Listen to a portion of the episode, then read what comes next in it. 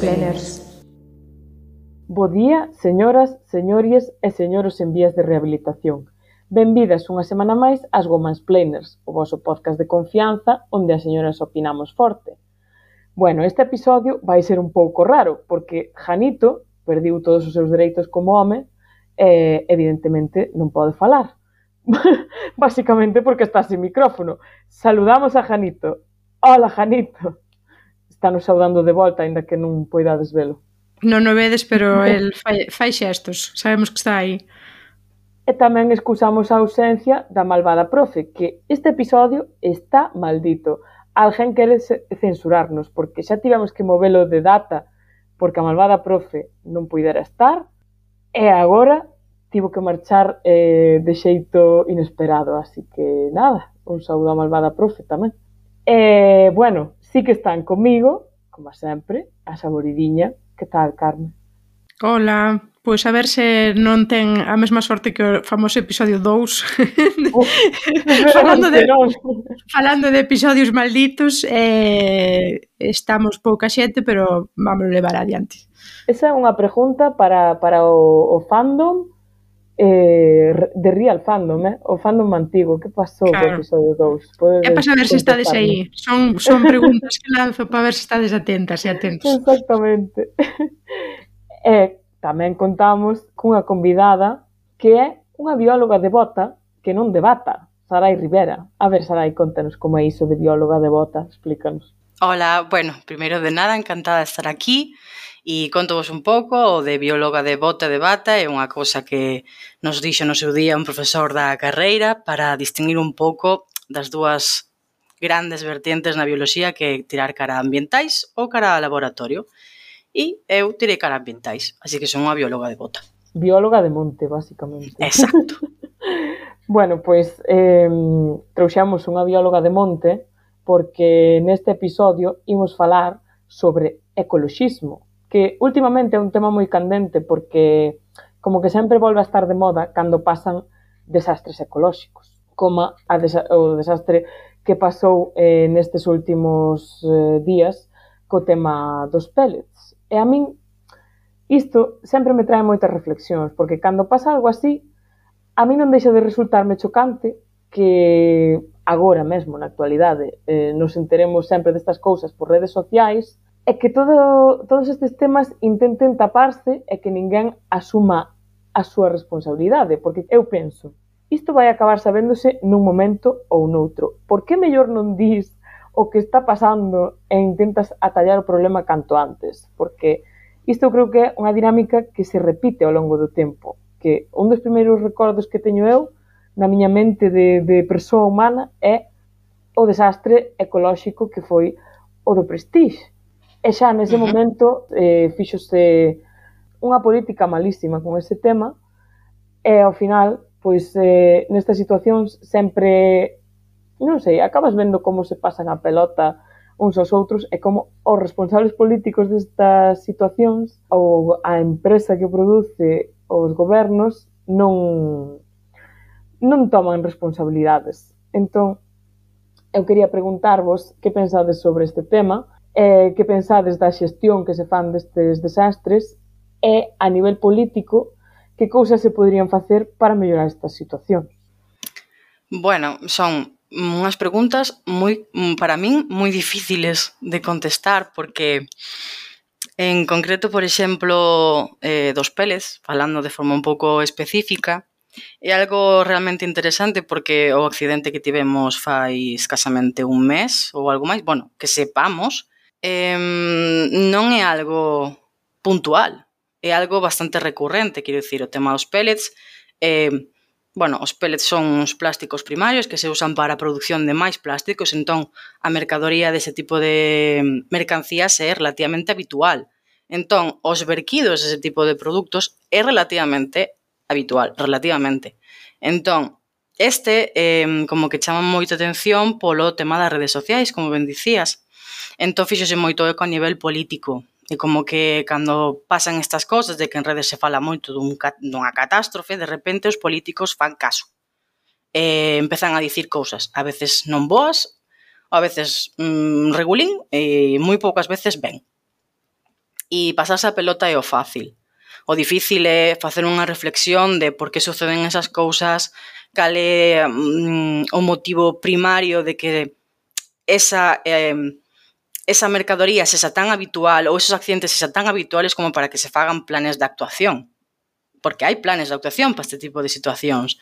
E aínda así, fase como unha normalidade. Trátase como unha eh, cousa mm, que non é normal cando trascende as redes sociais e a xente botase as mans a cabeza dicindo non pode ser, que está sucedendo? Pois é aínda máis eh, sangrante saber que é relativamente habitual e que aínda así non se fai nada e que a dinámica é vamos a calar e vamos a mm, mm non chamar demasiado a atención porque, evidentemente, isto non gusta e non vale para os votos. Sara, contanos entón, que vexo que tes a man levantada. Sí, porque mm, unha cousa que non dixen antes é que é un pouco contradictoria co de vamos calar e non vamos dicir nada, é que unha vez que xa non hai máis remedio, que xa todo o mundo se enterou de todo e que xa todas sabemos o que pasou, A mí o que me fascina son as fotos de políticos e políticas facendo como que fan algo in situ, en plan, no terreo. Pois imagina eh, mm a foto de... Creo que era Feijó, Camangueira, cando fora bueno, algún dos incendios que hai todos os veráns aquí sí. na nosa Galiza. Ou, non sei, eh, neste desastre dos pellets, creo que foi Yolanda Díaz, facendo uh -huh. como que apaña pellets. Eu dunha persoa que se dedica á política, pois non espero, a nivel personal, que vai ali ao sitio a facer traballo físico, non? A recoller os pellets ou a recoller o chapapote e tal. Está ben que vayas ao sitio ver como está a situación, pero ir ali media hora a facer a foto de que estás apañando os pellets, a min parece unha cousa surrealista e que non axuda nada a imaxe pública desta xente. Para Para min pareceme un ridículo. É dicir, eh, parece que dentro da carreira política tens que tocar todos os paus, que se che botan unha canción tens que bailar como caballero, que se hai pellets entón tens que tamén ti recollelos, eh, non sei, é dicir, eu tampouco espero de alguén que se dedica á política que sexa alguén 360, con tal de que me xestione ben a cousa, non necesito que estea claro. en toda a cadea claro. de mando facendo absolutamente todas as cousas, non? Eh, e o que lamento de todo isto e que é un caso tamén un pouco paralelo á propia xestión eh, da pandemia que ali estábamos tendo unha conversa de pois isto é un momento traumático e disto vamos a ir mellores e penso que foi algo tamén que debemos de en algún punto pensar que nos ia, que nos ia acontecer despois do Prestige e vese logo que non saímos mellores despois do, do prestixo que se fixo si foi máis tarde eh, pois limitar non? Ou, ou soltar un pouco de literatura eh, sobre leis, sobre mm, os propios barcos, navíos monocasco, como debían de circular ou se xa debían de non circular máis, etc. Entón, se se aprende algo disto, será sobre a propia xestión de como deben viaxar os pellets, porque estaban un pouco así indo mm, sen ningún tipo de protección é, é un contido que é moi facilmente, pois xa vimos, non derramable, é dicir, aquilo ven un saco, o saco pode perfectamente rachar, é un desastre absoluto. É dicir, tampouco é un desastre que se dea aquí por primeira vez, porque xa vimos que na costa catalá tamén aconteceu e non sei se foi en non sei se foi en Tailandia, ben que era como en algún país. En Sri Lanka, creo. En Sri Lanka, foi, Sri Lanka, sí, sí, sí, sí, sí. Que aínda é hoxe o día que están a recoller aquilo. Foi un desastre sí. total. Total, é porque vin, vin que foi mm, pois hai uns anos, é dicir que tampouco é unha cousa recente, é que mm, aínda están nese momento de limpeza das, das propias praias. É unha cousa que me mm, impacta moito das miñas viaxes é ver o estado das praias noutros países que son plástico absoluto, sí. plástico. É dicir, eh, se ti só tes noción de como son as praias, eh, non sei, en Europa, eh, saes de Europa, ves as praias, non sei, en África ou no Caribe ou, ou por aí adiante, dicir, a típica imaxe de postal dunha praia do Caribe non ten nada que ver con, con unha praia do Caribe porque ali o que encontra son tapóns de, bras, de plástico, botellas de plástico e moitísimo residuo de plástico de cadeas tipo Burger King, porque moitos útiles que aquí nos usamos mm, pero que son nosos e que usamos día a día, lavamos e reusamos, ala son de son descartáveis, é dicir, son de un só uso. Hai moitas cousas que, por exemplo, no México a xente mm, decidiu que xa non usaba pratos na casa, que o que usaba eran pratos de plástico. Entón, iso todo termina ben no mar. Eu o que vexo disto todo, que tal vez poida ser unha aprendizaxe, é que por fin moita xente tamén está vendo como é que é unha confraría por dentro e até onde chega o poder de un patrón maior de unha confraría e esa cota de poder que alguén sendo patrón maior ten. E que simpatías ten? Porque... Caciquismo en estado puro. Claro, eh, eh sí, é algo que a xente... Eso creo des... que é a maior creo, lección. Claro, eu creo que é algo que a xente mm, que non ten moito vínculo co mar descoñecía totalmente e son unhas cadeas de mando ali que teñen moito vicio, moito, si, sí, si, sí, pois moito vicio de corrupción e mm. que mm. por fin xa se destapan porque xa vimos que informativamente, como apuntaba, des, todo depende moito das redes sociais e entón a máis de un foiselle moitísimo a boca mmm, diante de, de teléfonos de outra xente, etc. Entón creo que se de algo se aprende, vai ser un pouco ese espello político. Eh, Sarai. E que, de feito, eso, eh, eh, como dis, o máis interesante de todo, porque si diante dunha cámara que vai ir automáticamente ás redes sociais, porque aparte non hai eh, retraso nese sentido de contidos nin edicións, vai directo para as redes sociais sin filtro, se non teñen problema en falar así, que non estarán facendo coa xestión propiamente? Quer dicir, se esas ideas están Aí eso reflexase na xestión das, dos problemas ambientais que podan ter ou, ou da propia mm, xestión de producción ou de pesca ou do que sexa. Eh, quero recordar un, un tema que dixedes antes que me parece moi interesante sacando o tema de Sri Lanka e de que é algo relativamente habitual. Fai, fai uns días, Lin, que aparecer hai unha asociación na Coruña que se dedica á limpeza de lixo nas praias, e parecer sei que levan uns 10 anos recollendo lixo plástico e entre eles pellets. 10 anos nas nosas praias. E o documento de actuación internacional que no seu día fixose para, por exemplo, vertidos de aceites ou, ou cosas por el estilo, polo Prestige, por exemplo, fixose o ano pasado. O último é do ano pasado. E ao parecer eh, é un, está abordado como un pouco de eh, estamos aínda en proceso de depurar estas actuacións. O ano pasado eleva ocurrindo directamente nas nosas praias 10 anos. Igual non a unha magnitude como, por exemplo, estamos vendo agora, ou sí, porque non sei exactamente a que magnitude estamos falando, porque non se fala. Entón, eh, para ver un pouco, digamos, a magnitude da temporalidade destes problemas e de, de que nos enteramos super tarde, sempre. Saboridinho. Eu quería voltar un pouco ao tema das responsabilidades, porque así tamén introduzo a nova cuestión. E é, bueno, pois eu eh, paso vacacións non? nun sitio que é de costa, e é un sitio de costa que, bon, pois, eh, dos concellos con máis costa da Galiza, Entón, pois, cando unha persoa está na praia, algunhas teñen máis recursos que outras e eu son das persoas que se aburren bastante fácil. Entón traio sempre, levo sempre unha bolsa de plástico e cando me dá o punto poñome a recoller plásticos. Non é a primeira vez que alguén, pois alguén autóctono de alí, eh, me chama a atención eh, a atención, pero non é mira que estás facendo, senón que chámame a atención no sentido de que me berra. Bérrame porque me di que lle estou quitando o traballo a alguén do Concello, que é unha fantasía mm, que esta xente ten porque non hai ninguén no Concello que faga isto mm, dicir, tal caso haberá unha máquina que pode sacar o gordo, pero non está eh, quitando pequenos cachos de plástico como estou facendo eu.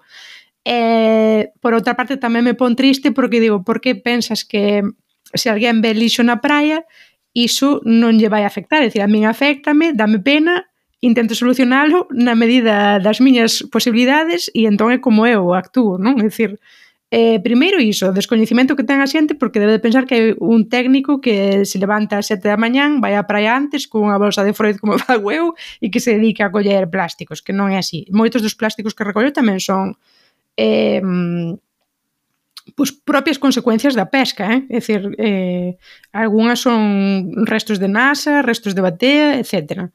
Eh, pero despois, é dicir, por que te quedas así como, non sei, ou se dache igual, eu vexo cousas que están con lixo e a min de verdade que me causa eco ansiedade, dicir, necesito facer algunha cousa ou denuncialo, ou poñer unha foto ou actuar eh, nese momento, non? E como comezábamos un pouco o episodio falando sobre responsabilidades políticas, agora introducín eu un pouco a cousa do, mm, da responsabilidade individual, se queredes, porque moito do lixo que está aí na praia é porque alguén o botou.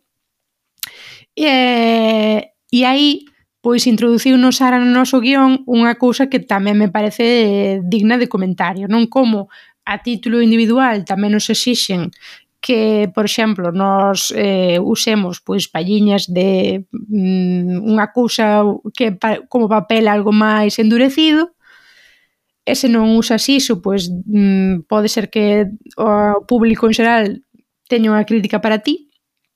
E no entanto, por exemplo, Messi ou Neymar non organicen eh, cruceiros, cruceiros que están ali, non sei, dúas semanas de festa, non? Eu sei que o cruceiro de Neymar era unha cousa así, unha festa tolísima e sabendo todo que poden poluir os cruceiros, que é como unha macrocidade que vai no mar, é dicir que aquilo non é, aquilo non é sustentable mm, de ninguna maneira. E o foco sempre estea na propia responsabilidade individual e agora que dicir o adxetivo dos pobres. Que pensades? Sara? Pois que tes toda a razón do mundo. Ao final tamén é un tema de clase, porque oiches, se Taylor Swift colle o seu jet privado para facer un traxecto que lle leva un cuarto de hora, non pasa nada. Ahora, eu teño que usar palliñas que se me desfán no café, porque senón son mala malístima. E teño que usar bolsas de tela, porque as de plástico mm, contaminan. Evidentemente, hai moitas cousas que podemos facer a nivel individual para intentar paliar un pouco a situación na medida do que nos podemos, pero eu creo que o cambio e cuidar do noso planeta non é algo que poidamos facer nós de xeito individual, porque claro, claro que sí, eu claro que podo reciclar e reciclo, e claro que podo usar bolsas de tela e utilízoas. Pero eu estou facendo iso e por outra parte, no 2024 vaise poñer en marcha o mega cruceiro máis grande do mundo. Agora que falabas de cruceiros, que vai ter cinco veces o tamaño do Titanic e que iso contaminará, xa non quero saber canto, porque a que collen aí eh, pois case 10.000 persoas, polo que eu lin. E pareceme unha barbaridade. Entón, eu creo que un cambio real a nivel ecolóxico pasa por, aparte de por cambiar totalmente o sistema económico, o sistema productivo, que iso xa é unha cousa que se cadra nos dá para un podcast inteiro, pois por medidas a nivel colectivo e, sobre todo, medidas e limitacións a empresas e, e a grandes fortunas, que ao final está demostrado que canto máis alta é a tua clase económica ou as empresas canto máis grandes son, pois máis contaminan. E aí pouco se fai en realidade. Ou tómanse medidas a nivel europeo, pero se cadra as empresas de aquí mandan as súas emisións a outros países pobres. Sarai, conta. Bueno, eu estou absolutamente de acordo con todo o que dicides. E mm, eu vou engadir que a nivel individual eu creo que o que máis efectivo é se queres intentar facer algo, vamos, aparte dos eh, boas costumes e todo isto, reciclase, bueno, isto está moi ben, pero eso non produce un cambio a nivel grande, digamos, en toda a situación. Axuda, pode axudar, pero creo que non produce un cambio se non se fai de man de activismo. Quero decir, eh, creo que o que o que podemos facer a nivel, entre comillas, individual, porque non individual, ao fin e ao cabo tamén é como unha comunidade que exige cousas, que vai á rúa, que se manifesta e que pide cousas, pide responsabilidades e pide unha xestión eficiente da, da, dos nosos recursos e da nosa, do noso planeta, porque ao fin e ao cabo só temos un. Entón, creo que o, o máis eficiente que podemos facer a nivel, entre moitas comillas, individual.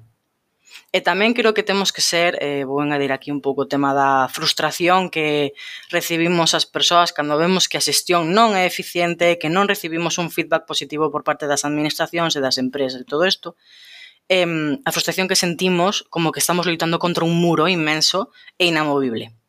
Eso é algo real, é algo que produce problemas de saúde mental, problemas de depresión asociados con catastrofismo ecolóxico, y algo que está muy presente y algo hay que tener en cuenta. Entonces, en ese sentido, creo que de forma individual e sobre todo, digamos, entre a xente, digamos, de AP, deberíamos deixar de baternos na espalda uns a outros por non tomar o café con unha palliña de cartón e centrar a mirada cara arriba. Que ao fin ao cabo creo que o que funciona. Sara. Eu creo que dito isto, tamén penso que hai unha cousa que poderíamos cambiar a nivel individual, pero que ao final tamén é a nivel social, que é a cultura de usar e tirar que existe na nosa sociedade, porque ao final, como comentaba Carme, eh, no México, por exemplo, pois utilizan platos de, de, de plástico, non o sei a título personal, pero sempre que me sae eh, algún TikTok de, de, de algún sitio dos Estados Unidos, tamén é unha práctica moi común. Ou as cidades que están feitas e pensadas para carros e para que ti non poidas desplazarte en, en transporte público ou a pé. Pero bueno, eu creo que pasa moito, por exemplo, no mundo do textil, no mundo da moda, que temos eh, o costume de usar e tirar, en vez de reparar ou reutilizar. Rompenos os zapatos, non os levamos xa ao zapateiro a que nos os arregle. Tirámolos e mercamos uns novos. Que, que, que se me gasta a chaqueta e quero outra, non vou mercar unha de segunda man, porque como fai a nai de Carme Saborido dirá, eso, a saber quen o levou, que o fai a miña tamén, a saber quen levou esa chaqueta. Non existen as lavadoras, como vou poñer eu esa chaqueta que usou outra persoa que se cadra eh, vomitaron nela, sabes? Miña nai sería así de dramática.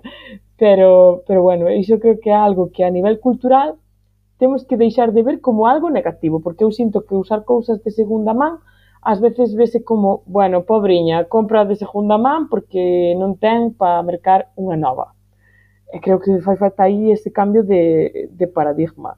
E despois, a nivel de, de políticas e, e como se perciben as cousas a nivel social, eu creo que tamén deberíamos eh, poñer unha alerta de isto é greenwashing, porque que pasa moito que vendenche produtos como ecolóxicos ou como que colaboran a non sei, os cuidados da, da contra a deforestación da selva amazónica. E despois son empresas, eh, pois, non sei, como McDonald's, que utilizan estrategias deste marketing verde, non? O, o greenwashing, e siguen contaminando eh, moitísimo ca, ca, as súas formas de produción e mercando produtos pois, como a carne ou mesmo a soia que fomentan a propia destrucción da, da selva amazónica, non? Que é como eh, a audacia, a hipocresía.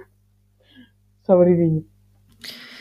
A ver, eu confeso eh, que todos os días estou como autoanalizando sempre as miñas conductas, as miñas pautas de consumo, eh, porque me considero bastante activista de algunhas cousas, pero despois sempre me encontro como nunha especie de disyuntiva. A ver, vou no explicar. Pois, por exemplo, Eh, falo moitas veces no programa sobre Vinted.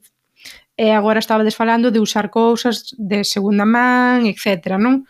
Eh, pero aí tamén, é dicir, eu deme conta que no fin tamén estou nunha especie de trampa porque estou comprando cousas que en realidade tampouco necesito, é dicir, estou actuando igual que se o comprase en Amazon.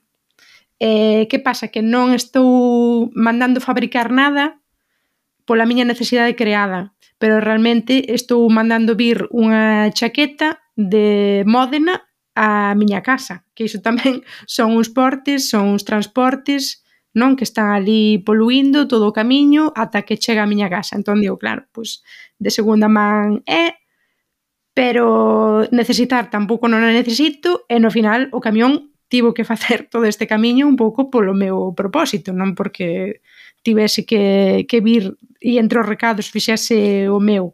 Entón eu comome moito a cabeza, xa o digo, eh, con moitas das decisións que eu tomo eh, no meu día a día. É dicir, tamén o que falabades antes, eh, moitas veces a xente está como, ah, pois mudei o meu carro porque o de antes tiña non sei cantas emisións, incluso hai como pois non sei, iniciativas ou apoio do goberno para que fagas isto, non? E mudes o teu carro clase non sei que, por outro de clase non sei canto, porque polo visto emite menos tal pero eu pasei agora em, uns días en Armenia e entón moitos carros que eran Lada, estou completamente segura que eses carros Lada que xa non se ven nin, e eran, imagino, da época soviética, e daqui a nada estarán sendo conducidos por, eu que sei, Mozambique, tal vez, porque é así.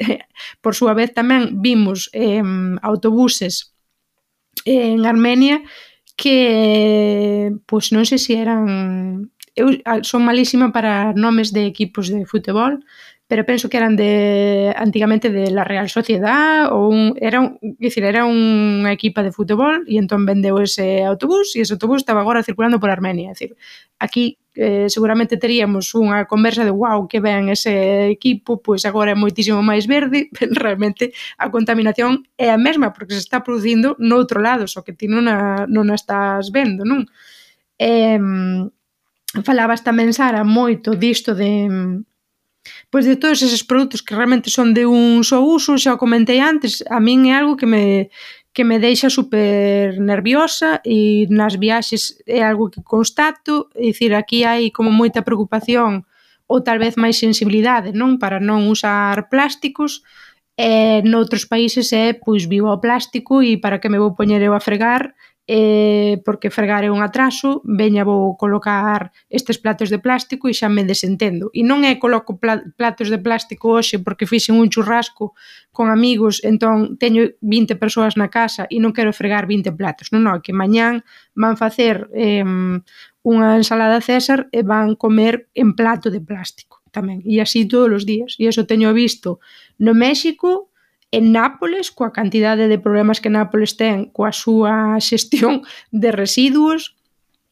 incluso pois a miña parella tivo problemas unha vez porque comendo con un garfo de plástico eh, pois pegoulle unha trinca a un dos garfos e tragou un cacho de garfo de plástico, é dicir, esas cousas son eh, problemáticas, unha polo que polún e outra porque van tamén contra, atentan contra o propio individuo porque, bueno, pues tivo que someterse a probas médicas para ver se o cacho de plástico tiña rasgado pois pues, algún tecido ou algo así na viaxe, non? Desde a boca ata pois pues, ata o final.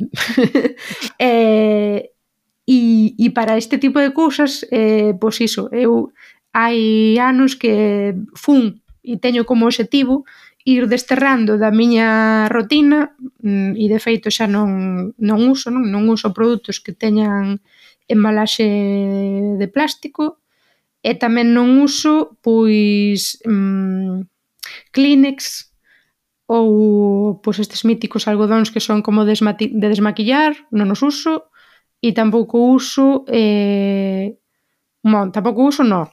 80% das veces non uso produtos de higiene menstrual que sexan de un só uso.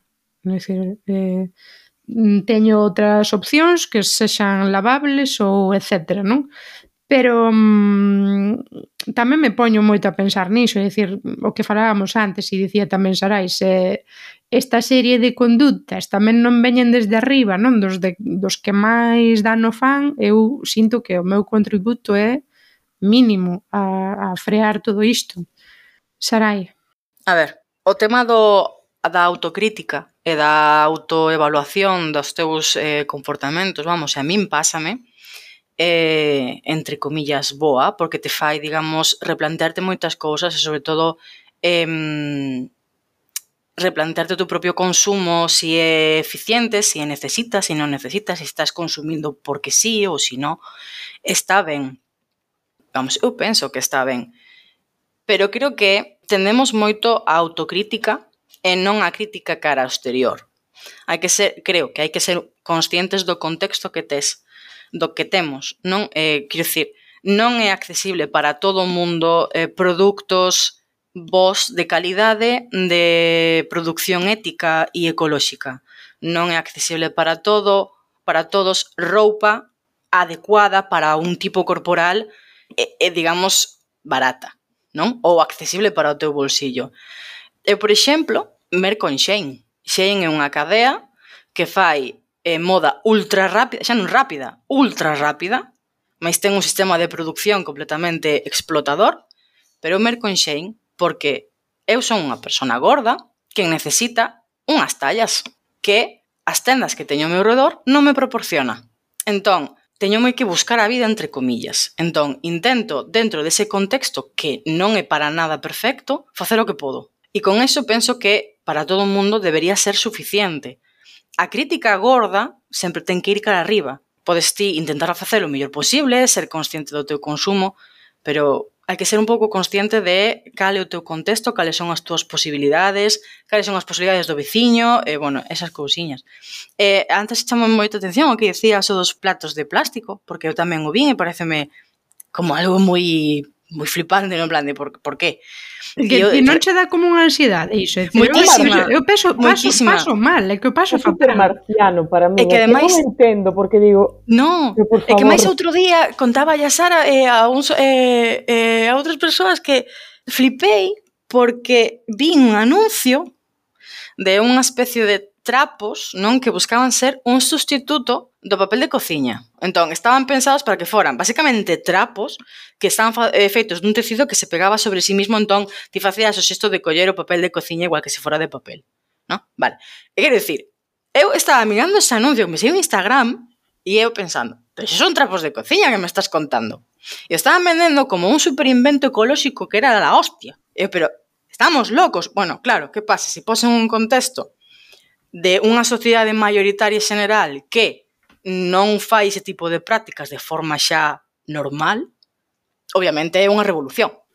É claro. como secar a roupa ao sol. Claro, que eu, por exemplo, que tiña visto, eh, ou seja, Tijuana, que non é o sitio máis húmido do planeta, todo o contrario, é dicir, a xente en Tijuana secaba a roupa con secadora. Claro, é que, entón, que decir, para min, tende a... Claro, para min era unha pasada ver iso, E a xente o que me dicía é, claro, pero ti tal vez poidas poñer a roupa fora a secar e que non xa rouben, pero a min igual me rouban. Eh, entón hai veces que claro, era o que falabas un pouco ti ao principio, xera, a min faltoume contexto nese Claro, nese é importante momento. o contexto. Mm. Importante, pero bueno, que a mí tamén me chama a atención, me resulta incluso gracioso ver a xente estranxeira vir aquí e alucinar cos tendales, co concepto do tendal, é como, ah, e que innovador, que ecolóxico. E igual estamos falando de xente que non ten un contexto de que lle podan roubar a roupa, sabes? E xente que, que flipa simplemente porque é como super innovador, super ecolóxico. E eh, como, eh, bueno, en fin, en fin. Contanos, Sara. Bueno, pois eu agora quería cambiar un pouco de tema e quería traervos unha afirmación que xa lle teño escoitada bastante xente que está comprometida ca causa ecoloxista, digamos, non? é que tampouco ten por que ser xente que sexa sospeitosa de ser de dereitas ou liberal ou algo así. Pero bueno, sobre temas ecolóxicos tamén hai moita magufada e dinse moitas cousas. E unha delas é que a mí me pon especialmente nerviosa é a típica frase de sobran seres humanos no planeta. Os seres bah. humanos somos a plaga do planeta. Bah. O que temos que facer é non sei, pouco lles falta para decir exterminar vellos porque sobra xente ou, eh, non sei, eh, ligarlle as trompas de falopio a, a todo o mundo para que aquí non haxa máis xente non? no mundo. E eu dixo, é que esta afirmación a mí paume nerviosísima porque é que está tan preto de políticas mm, de control da poboación ou de políticas eugenésicas que, que a mí parece unha cousa terrible, porque é que Eu penso, bueno, está constatado e podese ver que os recursos disponibles no planeta son suficientes para a xente que hai agora e para máis xente aínda. O que pasa que os recursos están mal repartidos e unha pequena porcentaxe dos seres humanos posúen unha gran porcentaxe dos recursos e da riqueza do planeta. E ademais, a parte do reparto, evidentemente, o sistema de produción económico non pensa no, no benestar do planeta, porque o único que interesa nun sistema capitalista no que vivimos é xerar beneficios, é o crecemento exponencial continuado. E iso non é posible, non é compatible o crecemento continuo e infinito co cuidado dos recursos do noso planeta, evidentemente. Entón, o problema é ese, o problema non é a xente que hai, penso. Entón, non sei, a min esta frase non me gusta nada. Non sei vos que opinades. Bueno. Ou Sarai, é que non sei quen levantou a man primeiro. Ela, saboridiña. Eh, vale. como, como que irades, eh, que tampouco teño maior adiante, presa. Adiante. Pero é. É, é, como unha afirmación que a min eu sinto que me alude máis directamente porque como son nai, bon, descoñezo tamén a, a vida de Sarai, pero eu non son nai. Eu son nai, entón é unha cousa que de verdade que, que sinto que me, que me apela e que me revolve por dentro porque eu creo que tampouco moitas veces esas persoas din aquilo con convencimento. Creo que é mm. unha especie de proxección psicolóxica de eu non quero ter fillos, entón oxalá ti tamén te convenzas de que a miña opinión ten que ser a maioritaria porque a mí xa me ten pasado de contar, pois estou grávida, é dicir, estou grávida, estou cho dicindo cun sorriso, podes por favor alegrarte por min e dicirme pois parabéns, en vez de dicirme a puta merda esa de que sobra xente no mundo. Que me interesa a min agora a xente que sobra no mundo que xa fixe unha filla, señores? É dicir, asuma, é dicir, non vou mm, facer volta atrás con isto. Podes, por favor, alegrarte. Entón, pareceme unha especie de proxección, como cada vez que eu conto que pois mira, pois eh, deuse a circunstancia en que teño que pasar tres meses en non sei que país. E a xente di, ai, eu non viaxo en avión porque o avión bla bla bla porque de, me estás matando o planeta con eso e non sei que non sei canto. Ti non viaxas en avión e xa non querías viaxar en avión e tal vez a oportunidade que eu teño non é a oportunidade que tes ti, entón estás chinchado. Entón o que necesitas é contarme tu mierda e, eh, e é o que che pasa e é un mecanismo de proxección. Eso unha. Pero voltando ao tema de da superpopulación, non? Eh, aí o que creo tamén é que esta frase o que encerra é moito é moita infantofobia, porque isto tamén é un tema que está moi moi moi moi en boga nestes momentos, é dicir, é, a xente tenlle bastante manía ás crianzas e este é un argumento máis para decir son antinenos, entón isto xa me respalda porque sobra xente no mundo, entón se sobra xente no mundo que van sobrar os nenos.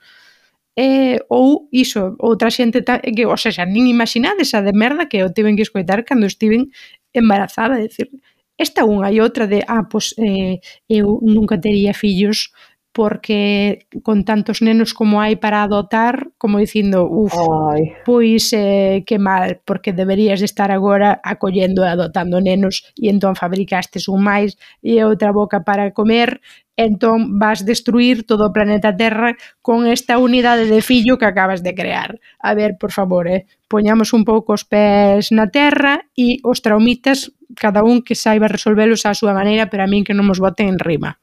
Sarai? Eh, bueno, completamente de acordo con todo o que acabas de dicir, primeiro, iso primeiro de nada. Eh, pero ao final é eso, os discursos moralistas en canto a que cousas se poden facer, que cousas non, eh, a infantofobia, tamén ten a porofobia, porque que personas sobran no mundo esa gran pregunta. As pobres, eh, sempre. As pobres, sempre, eh, as pobres, os sempre. Os colectivos, calquera tipo de colectivo sempre a pobre. minorizado e discriminado é o que sobra no mundo. Eh, Absolutamente. Eh, Cayetano e María Jesús, que tiveron 14 fillos e están os 14 en colexios segregados, eses son super necesarios. Eses non, eses non sobran, non, son moi vitales para a sociedade. Pero, eh, como ben dicías antes, eh, Carme, eh, é unha retórica psicolóxica un pouco extraña, porque a mí, de feito, parece unha actitude moi inmobilista, moi incluso eh, complacente, casi. Porque como eh, botas a culpa a un ente ficticio que é a superpoblación, que ti te montaches na cabeza que é o problema eh, de todo, a raíz de todo, cando sabemos que non é así. O sea, vale, sí, é un tema a ter en conta, que hai moita xente, pero como ben dixo Sara, hai recursos para todos, o que pasa que están mal distribuídos. Entón, centrar a túa atención e a túa crítica neso, aparte de estar errado, é unha actitude inmobilista, porque que vas a facer? Exterminar a todo o mundo? Pois non. Creo que hai moita xente que di esa frase que efectivamente non quere exterminar a todo o mundo. Entón, o que faz dicindo eso é auto eh, poñete a ti mismo nunha situación de pois é que xa non se pode facer nada, Claro. Eu o único que podo facer é coller por banda a unha persona que vai ter un fillo e machacarlle a cabeza. E como, bueno, pois non. Pois non, pois estás facendo exactamente o mismo que pretendes criticar. Que estás non facendo eh, nada. Ademais a ansiedade e o estrés é o que mellor lle ven a alguén que está xestando, é unha cosa que claro. axuda moitísimo na, no desenvolvemento do feto, vamos, todas recibimos ansiedade e estrés de brazos abertos. Sí. Eh, sabedes quen non sobra no planeta tampouco? A malvada profe, que está aquí con nosco, coa aparición estelar. Benvida. Hola. Hola. Eh, contaste o accidente que o incidente, mellor dito. Non demos datos no, específicos. Non demos datos, se queres no. contalo. Se queres no, dar no, biografía, pois pues veña. Tanto ten, tanto ten, é irrelevante. Pois eu quería eh, por aquí un pouco a nota discordante, como fago tantas veces. Eu creo que poderíamos facer unha montaxe todas as veces que eu fixen que eu dixen neste neste podcast nos eh, tres anos que levamos, que, que facemos dentro de un par de semanas, perdón, pero eu teño que retrucar, ou perdón, pero quero retrucar.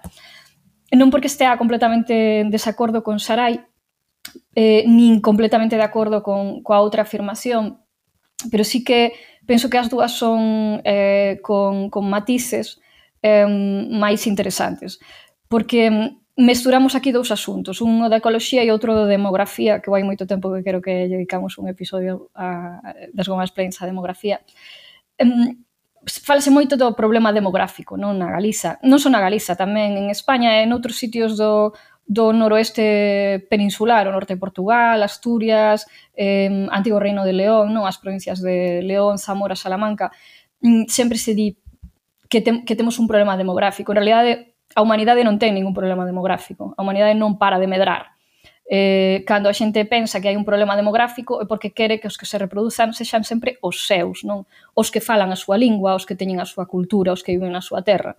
Pero ese eh, mm, suposto problema demográfico das pirámides invertidas eh, desde o comezo dos tempos solucionouse todo sempre dunha maneira moi sinxela que é polas migracións, polo movimento de poboación. É dicir, se, se nos deixamos de ter fillos, hai outros que os están tendo e que van vir aquí ocupar o noso lugar e non pasa nada. Foi sempre así na, na historia da humanidade. Eh, outra cousa é que por motivos en, unhas veces racistas, outros religiosos, outros nacionalistas, chamalle xe, eh, a xente pense que pois, que é máis importante que teña fillos o seu veciño ou a súa irmá e non alguén que vive en Sichuan agora. Non? Entón, a propósito disto, en realidade, eh, e, e aí é importante, no de quen non debería ter fillos, quen sobra. Se sobra alguén somos nós. Quero dicir, que se sobra alguén somos nós, non eles. Non os de non as a, as mulleres de Nigeria ou de Uganda que teñen eh, cinco fillos, que paren cinco fillos de media por cabeza.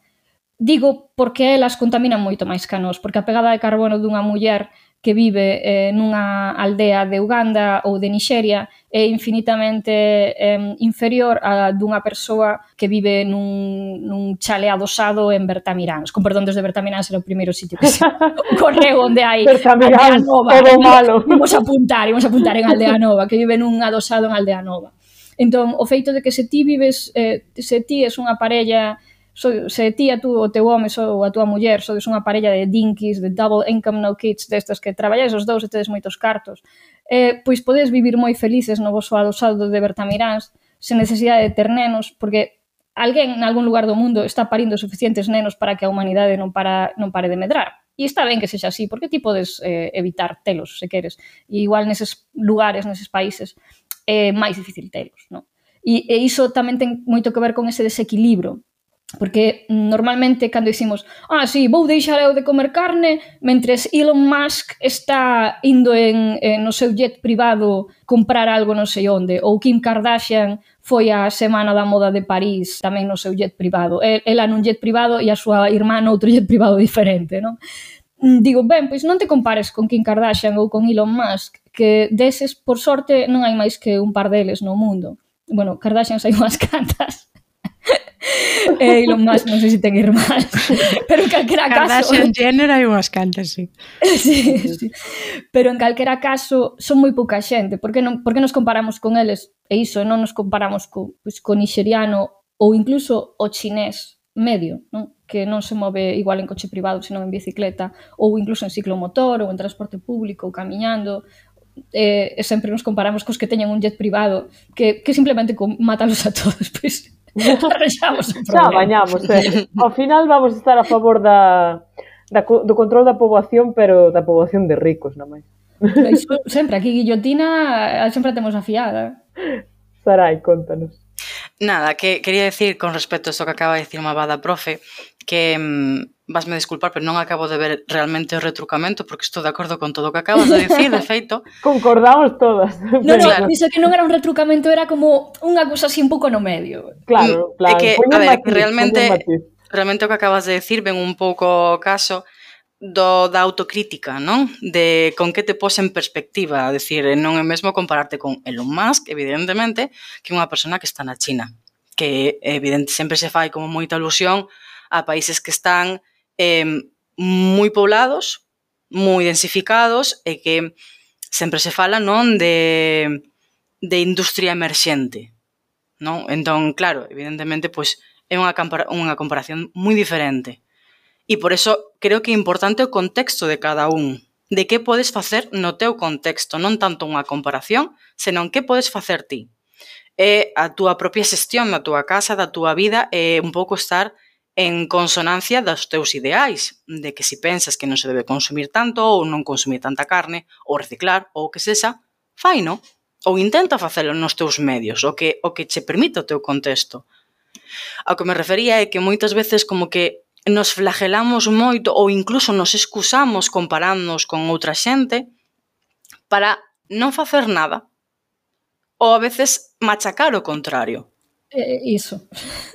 Quero dicir, non estou dicindo que, pa, como eles eh, contaminan un montón, que máis dá? Non. Non estou dicindo isto. O que estou dicindo é que hai que tamén ser moi crítico con todo o resto. Creo que eso tamén aporta moito a autocrítica, tamén a pon en contexto. Porque tamén está o tema, eso, pois, da saúde mental, de non machacarte, non entrar en, en, en bucles de catastrofismo, e como, sí, a cousa está moi mal, moi mal, pero respiremos e fagamos o que poidamos que non temos tantos recursos como queremos que temos. Sabridiña. A ver, eu estou de acordo e non de acordo, porque se vemos isto no contexto galego, estamos dicindo de boca chea que a xente non teña fillos pois para min é un pouco doloroso porque eu son contemporánea a unha cultura que morre, non? Entón, pois egoístamente sí que quero que a miña cultura se preserve e como se preserva? Pois habendo máis membros como eu. Pode ser isto xenófobo ou xenocéntrico? Pois, pois tal vez sí. Pero claro, para mí non é o mesmo que sei que, que deixen de nacer, pois non sei, persoas, membros dunha comunidade que é moitísima xente non vai ter o mesmo impacto que que deixen de nacer persoas que son do povo, eu que sei, pirrajá, do centro do Amazonas, porque iso vai significar que toda esa cultura, esa lingua, ese sistema de valores que eles crearon tamén vai morrer. Xa me estou desviando moito no tema, non? Pero, pero é así. Sara.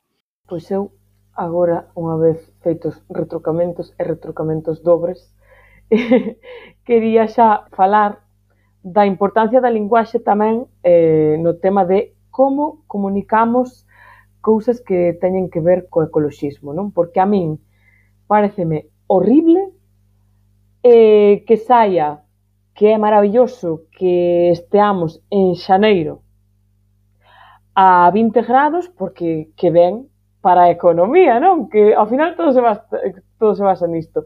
Que ben para a economía porque... Plural, eh?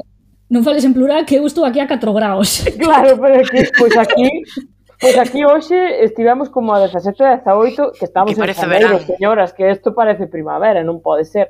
Pero a min enfádame muitísimo que se dean noticias como que ben, porque así a xente vai poder ir á praia, estar nas terrazas, eh, tomar unhas cañas, que ao final iso é o importante, non? Porque, quero dicir, a ver, un pouco de seriedade. Obviamente, se fai un día de sol en xaneiro e fai 17 grados, non vou quedar pechada na casa chorando con a ansiedade climática porque, por favor, imos morrer todos. Evidentemente, pois sairei e poñereime ao sol. Pero creo que hai que ser un pouco conscientes, polo menos a nivel dos medios de comunicación ou, ou das noticias que damos, de que isto non é algo para celebrar. Unha cousa é que a título individual, pois si, sí, vais dar un paseo na praia porque fai bo día E outra cousa é que a nivel público eh, dijas que maravilla, isto é xenial, estamos en xaneiro aquí a 18, pero noutros sitios estiveron a 25, a 26, noutros sitios da península, refírome, que que maravilla. Sarai.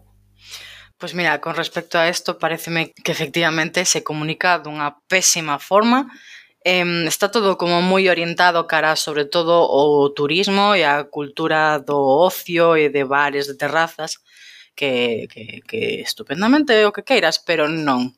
Non, porque tamén a, a imaxe que se vende de, en específico pois de España, non? De sol, terrazas, mm, mm, bo clima, todo o que queiras, isto non? É como que se fomenta eso tamén sobre unha imaxe estupenda que incluso temos en xaneiro, mira que bo tempo que temos. No, hai que ser crítico, mirar un pouco máis alá e obviamente esa ese fomento desa imaxe estupenda que temos de ter 20 grados en xaneiro pois moito non axuda. Moito non axuda, a verdad. Igual temos que empezar a reformular a nosa idea da expresión bo tempo, que é bo tempo. Para mí bo tempo é o menón hoxe que vai calor para ser un inverno para ser un inverno mesetario, quero dicir, estivemos a máxima de 7, 8 graus, que é bastante agradable, eh, considerando que outras veces as máximas son 0 e as mínimas son de, 4, de menos 4 ou de menos 5. Pero, pero para min un bo, ter bo tempo no inverno é que faga sol e frío, pero se non vai sol, se, home, se non vai sol, pois obviamente case ninguén che vai dicir que vai bo tempo pero estar a, a 17 graus mete medo. E eu, eu sempre o direi, eu sempre me lembrarei do, do 31 de decembro ou non sei foi o 1 de xaneiro de, de hai dous anos que a xente estaba en Vigo eh, bañándose na auga que disti, Sempre hai un par de frikis, pero non, había dúcias de persoas bañándose mm. a mil na praia e moitísima xente en manga curta eh, xogando ali a deportes na area, quero dicir como se fose un día calquera de, de dun maio particularmente solleiro, non? Entón habería que que reformular un pouco iso de que vendemos ou que dicimos que é bo tempo. Eu creo que o que acabas de decir é moi interesante, non o pensara e voume quedar con eso, porque o tema do bo tempo, que é o bo tempo según a estación, e porque tamén hai que plantexarse que supón ter este tempo agora en xaneiro, non? Que se supón en temas de, por exemplo, mismamente produción agrícola. Eu creo que moitas veces vemos nas noticias agricultores que expresan a súa preocupación porque de repente en abril hai unha xeada Pois eso é parte do problema, é o mesmo problema que ter 20 grados en xaneiro, exactamente o mesmo. O que pasa que, claro, é moito máis agradable, é moito máis vistoso, é moito máis bonito ter a xente bañándose o 31 de decembro que ver as pedras grande como a puños de granizo que temos tido en abril, porque sí. Pois bueno. Bueno, eh, pois despois de todo este debate, de todas as cousas que aprendemos sobre ecoloxismo, vamos pasar á sección favorita da Saboreirinha. Dicas.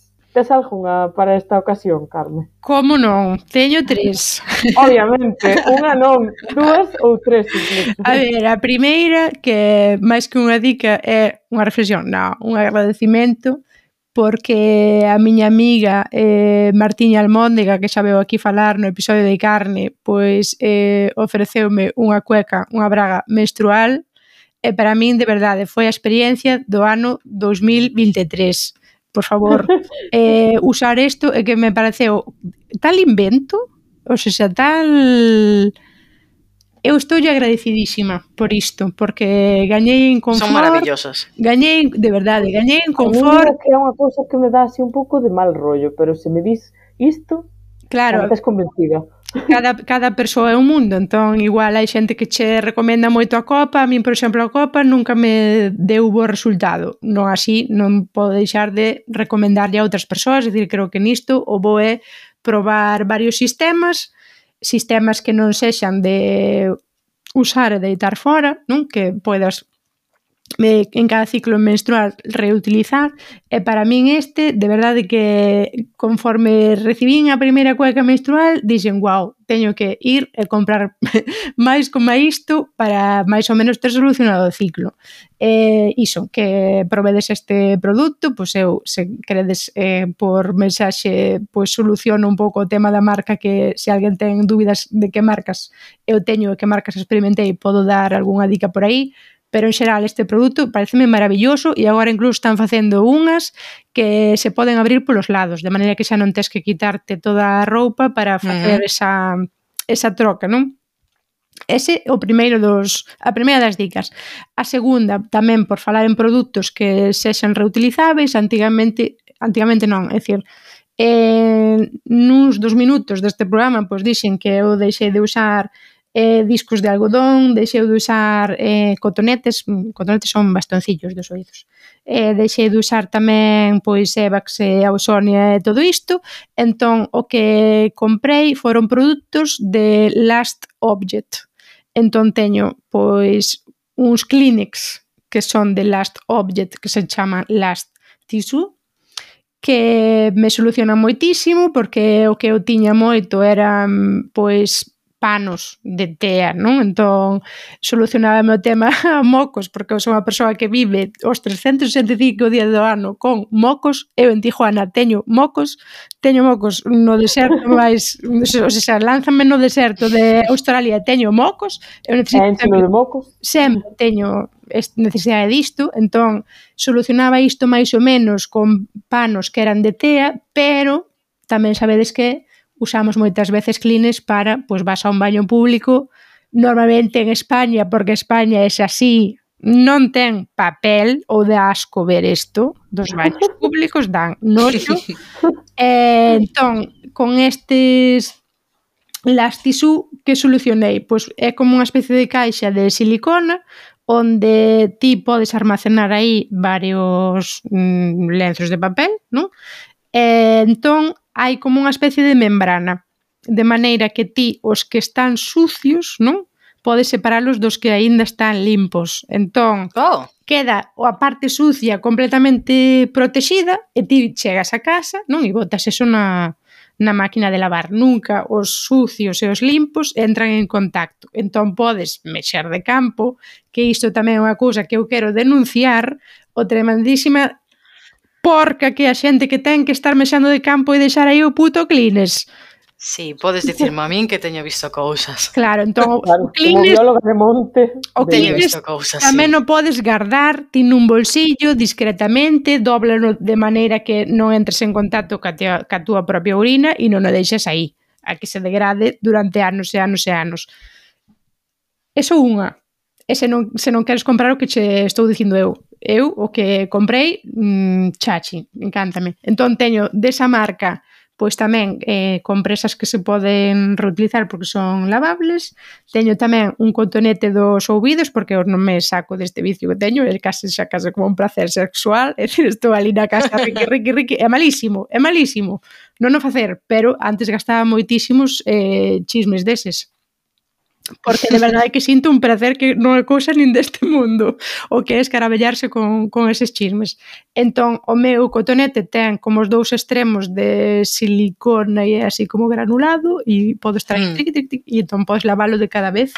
Eh, tamén... Teños visto anunciados. O que pasa que eu teño visto un pouco drama, é dicir, que eran case como unha... Uf, non sei, os, que vin eran unha cousa moi desagradable, este mm, gustoso, porque de silicone e os, e os que vin era case como meter un arame e comezar ali a rosca desenrosca, unha no, cousa que os que vin eu era tal cual os escribes ti, un, un cotonete con sí. pequenos peliños de silicona. E este ten como unha especie de caixa onde tamén o podes guardar, entón podes viaxar con el, etcétera. Eh, que máis? Eh, discos de, deses de algodón, pois tamén os sustituín, eh, non sei como se chaman, last, eh, rounds, ou non sei como se chaman, pero vamos, tamén son discos que se poden botar a lavar, eh, teñen máis ou menos unha, unha textura boa, para que se os usas na, teu, na túa beauty routine, pois realmente eses discos sirvan para unha limpeza de, de skincare, por exemplo. E xa no, na miña última dica, despois de todo este bombo que lle din eu a esta empresa que é Last Object... Parece que nos patrocinan o podcast. Eh? eh, a miña última dica é audiovisual, pois é realmente como unha especie de falso ou pseudo documentario eh, feito no Brasil hai moito tempo xa, porque é do ano 89, podedes encontrarlo no YouTube, eh, chamase A Illa das Flores Eh, foi dirixido por pois polo cineasta Jorge Furtado. Eh, é, é curtiño, é unha cousa curta que está por aí, xa digo, no YouTube. E ten como unha especie de, uf, a linguaxe así como moi rápida, moi científica e vai, encadena, vai encadeando unha cousa coa outra, pero o que mostra é como a economía pois xera tamén moita desigualdade e como moita desa desigualdade, pois tamén xera desperdicio, non? e a onde van para eses desperdi desperdicios e quen vive entre desperdicio, que é o que me parece máis interesante, eh, porque Illa das Flores é o nome de, de un lugar. Non podo deixar non podo dicir máis nada porque entón xa vos fago spoiler, pero animo vos a que, a que vexades este, esta curta metraxe. Se alguén ten agora máis dicas, pois pues, lle dou o paso malvada profe que chega para o momento das dicas. Sí, pois eh, culturalmente teño solamente unha dica, eu como fago así moita dica cinéfila, pois esta vez eh, vai ser Soylent Green, que moita xente seguramente xa coñeza porque é, unha, é un clásico da ciencia ficción, pero se non estades familiarizados con este xénero, pois eh, é, unha, é unha película estadounidense do ano 1973 Mm, trata dunha distopía que está ambientada na cidade de Nova York nun momento en que as terras cultiváveis no planeta se reduciron ao mínimo e os océanos tamén están pois moi contaminados. Entón, a maior parte da, da sociedade ten que alimentarse dunhas eh, especie de barriñas eh, de cor así verde, que parecen como as típicas barriñas enerxéticas, que se chama Soylent Green, que supostamente están feitas de algas, e solamente as persoas máis eh, máis privilexiadas teñen acceso a alimentos reais como os que os que comemos nós, non? leitugas, tomates, eh, carne de animais, etc. etc. Pero, eh, pois como en todas estas distopías, eh, nada é o que parece, eh, e non podo contar moito porque sería un enorme spoiler.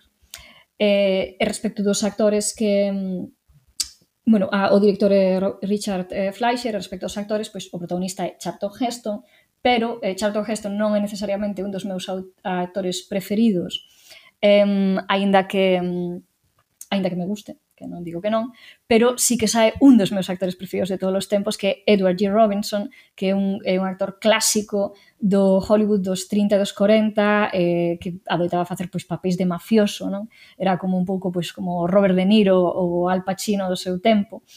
E que eh, neste caso fixo a súa derradeira aparición no cinema eh, neste filme, até o punto de que, de que el morreu en xaneiro en 1973 antes de que se estreara a película. Entón, se sodes fans de Edward G. Robinson, eh, un grande filme, se vos gusta a ciencia ficción ou a ecoloxía, de, algún, de alguma maneira, tamén apúntame o control aquí polo, polo chat, Janito, que o filme se chama Cuando el destino nos alcance eh, en español Eh, é verdade, eu ademais supoño que a primeira vez que a vin a vin en castelán, pero como a, ese trebello que comen se chama igualmente Soylent Green, pois eh, quedei sempre con esa, con esa idea. Eh, moita xente saberá o que é o Soylent Green gracias ao Simpson ou a Futurama posiblemente, pero tamén aparecen chistes de, dese tipo. E despois, no que respecta a dicas prácticas, como fixo a Carme, eu non vou recomendar ningún produto por un motivo, no caso do que ela dixo, pois son produtos os que non pode renunciar, non? E que sustitúe por outra cousa. Pero eu precisamente o que quería era convidar a, a no, o noso público, sobre todo o público máis mozo, en que quizáis está máis eh, habituado a consumir dunha maneira máis eh, obsolescente, non? cousas que se estragan antes, que pasan de moda antes, que, que non, non teñen moita unha vida útil moi longa. Eh, que en vez de mm, reparar eh, en que poden mercar para sustituir outras cousas, que pensen en todas as cousas que poderían non mercar. É dicir, que comecen a, a preguntarse dúas, tres, catro veces se de verdade necesitan as cousas que compran. Eh, e que aquelas cousas que teñan intenten cuidalas moito. Porque ás veces di, no, é que o que tens que facer é cuidar calidade, eh, comprar calidade. Digo, mira, si és eh, estudante ou eh, precaria, non? A ver, eu estive en, traballando pois, de maneira bastante precaria dos 30 e pico, non tes cartos para comprar esas cousas de boa calidade que supostamente duran moito. Pero o que podes facer é cuidalas. Podes cuidar a túa roupa e podes aprender a reparala, por exemplo.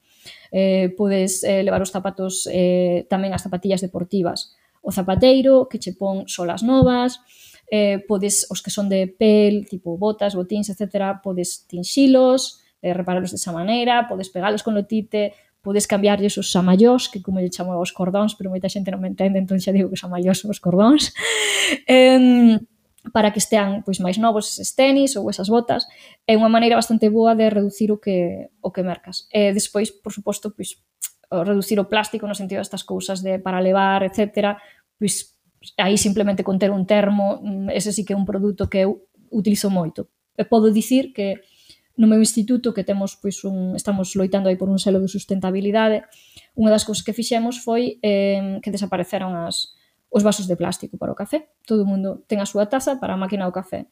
Se usas moito a máquina do café de filoloxía, pois leva unha taciña pequena, metes os cartos, pos a túa propia a túa propia taza e, e despois lávala no baño, xa está.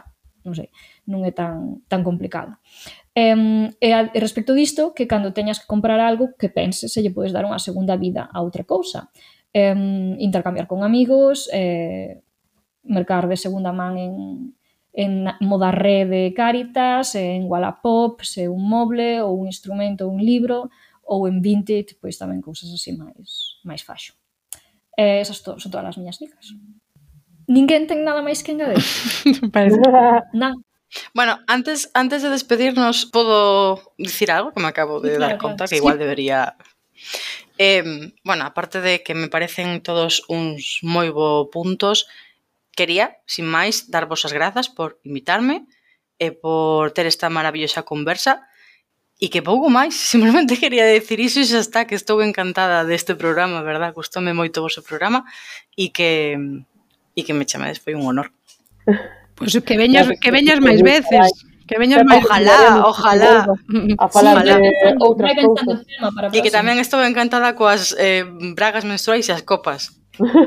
que abogo por elas moi forte. Pois despois eh, fa, eu polo despois intercambio falamos. de cousas. sí. Polo intercambio de cousas para reformas, enlazando mm. con outro dos nosos episodios que Aquí damos fe a Sara Maiseu sí, sí. De, que, de que todo se aproveita. Poñemos en práctica, eh, isto. Sí, non, non, eh, nos non predicamos pero facemos outra cousa, eh, nos predicamos o que facemos. Eu reformei a miña cociña hai un par de meses, eh, tiven que comprar, non les foron dúas ou tres encimeiras, pero sobroume máis da metade dunha, un cacho doutra, eh, eh, en fin, unha que daba pa, que tiña como un máis de un 10 de ancho, outra que era así cadradiña e tal, pois enviei nas, fixemos aí o apaño vía mil anuncios e vía Wallapop, a Sara Maiseu para mandarlle esas pezas de madeira e que las a poida aproveitar agora pois para facer unha mesa auxiliar, un escritorio, claro, etc. Unha segunda vida que para guai. as cousas, en vez de tirar. Claro, uh -huh. porque eu eh, e teño que dicir que ademais nese sentido eh, notas a mentalidade pobre, eu tive en esa madeira na miña casa dous meses enteiros, porque de verdade que me doía ata no fígado eh, ter que baixar iso ao, ao lixo. E por outra parte eran pezas demasiado grandes para telas aquí todo o tempo, non até podelas precisar eu dentro de X anos. Entón, sí, sí, nos predicamos co exemplo. Pois con isto penso que podemos despedirnos. Moitísimas grazas por vires, eh, Sarai. Eh, grazas a vos. pensando tema para a próxima. grazas, Sara, por convidares a túa amiga, que sempre nos trae xente moi riquiña. Claro, imos ter que empezar a convidar a todas as nosas amigas aquí a falar. eh, e Carmen, tamén moitas grazas hoxe, como sempre, polas túas dicas. Pois nada, ata a próxima semana. Cada vez ides me poñendo temas máis complicados para, para dicas, pero aquí estou eu, superándome. De que sempre tens unha dica para cada tema. Ves, a mí o aspa matar o tres. Sí, sí, sí. sí. Eh, moitísimas grazas, Janito, por escoitares tanto e falares tan pouco. Claro.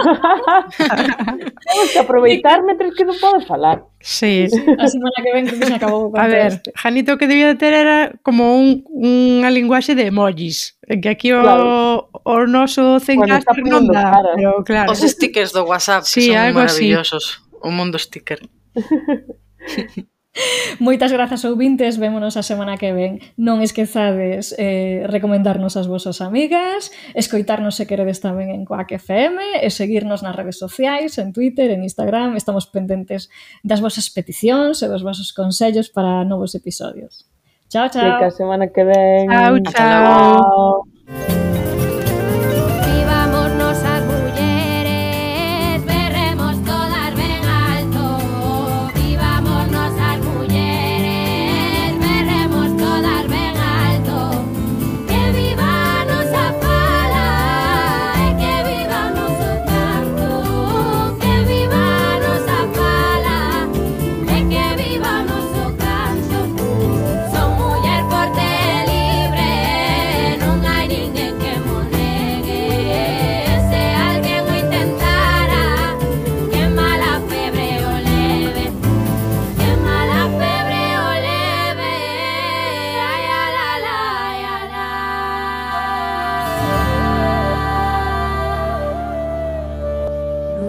some of us women planners.